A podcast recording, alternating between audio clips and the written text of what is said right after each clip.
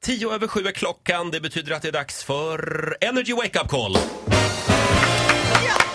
Hurra för mig! Telefonterroristen Ola Lustig slår till. Vem ringer vi idag? Isabelle ska plugga i Växjö och hon har fått lägenhet nu på campus. Ja. Eh, kl- Kul såklart men hon har panik över att det här är så litet. Det är 20 kvadrat bara. Oj. Ja. Eh, Och vem är du som ringer? Jag heter Hampus, Hampus på campus. Ja. Eh, Men nu ska hon få en rumskompis och eh, några husdjur också som ingår här. Ska vi se. Oj.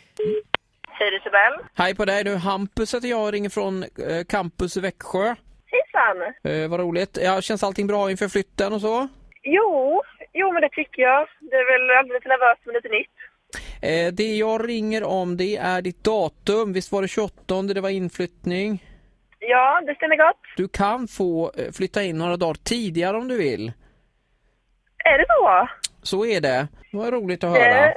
Ja men jag- vad glad jag blir. Ja, vad härligt. Eh, Ja, fröken som ska bo med dig, Zlatova, kommer den 9 september. Så du har ju någon vecka där. men... Eh, eh, bo med... Vänta nu, va? Det förstår jag inte riktigt. Ja, din rumskamrat där, Zlatova, hon kommer den 9 Men jag september. ska ju bo i en liten etta. Ja precis ja, detta är eh, 22 kvadratmeter på campus har jag här. Två sängar eh, och detta ska då delas under terminen. Men du kommer ju ha den lite grann i förtur nu då eftersom du kommer in lite tidigare kan ju du få välja säng och sådär. Det hade jag faktiskt ingen aning om att det ska delas. Zlatova är utbytesstudent här från Gdansk. Okej. Eh, Det som är med henne då, om man ska säga speciellt, det är väl studiemässigt är det inga konstigheter, men hon har en ganska kraftig astma, står det här.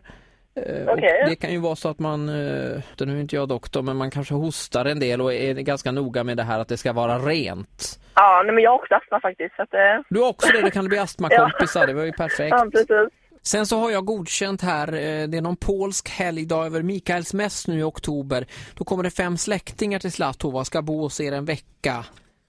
Okej. Och det här behöver ju du vara med okej med då. Ja. Ni får lösa sängplatserna där på något vis. Ni får vara lite kreativa. ja, men precis. Men det, jag förstår ju att det Ehm. kan bli lite trångt. Ja. Det, ja. Du låter lite chockad. Jag förstår att detta kanske kom lite o- o- olägligt här, att du inte visste om någonting. Ja, nej det gjorde jag faktiskt inte. Hur känns det då? Ja, jag är chockad. Ja. Är det möblerat så då redan innan eller? Zlatova t- tar nog med sig en hel del grejer, det tror jag. Ja. Mm. Men katterna har du inga problem med? Katterna? Just det, ja. det är två katter. Nej men ni driver det med mig. Det är tre, det är tre katter. Nej men sluta! Du, hej Isabel. Det här är Ola Lustig på Energy som ringer. Du skojar! Nej!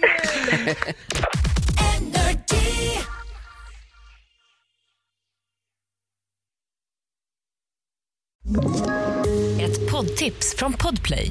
I fallen jag aldrig glömmer djupdyker Hasse Aro i arbetet bakom några av Sveriges mest uppseendeväckande brottsutredningar. Går vi in med hemlig telefonavlyssning och, och då upplever vi att vi får en total förändring av hans beteende. Vad är det som händer nu? Vem är det som läcker? Och så säger han att jag är kriminell, jag har varit kriminell i hela mitt liv men att mörda ett barn, där går min gräns. Nya säsongen av Fallen jag aldrig glömmer på Podplay.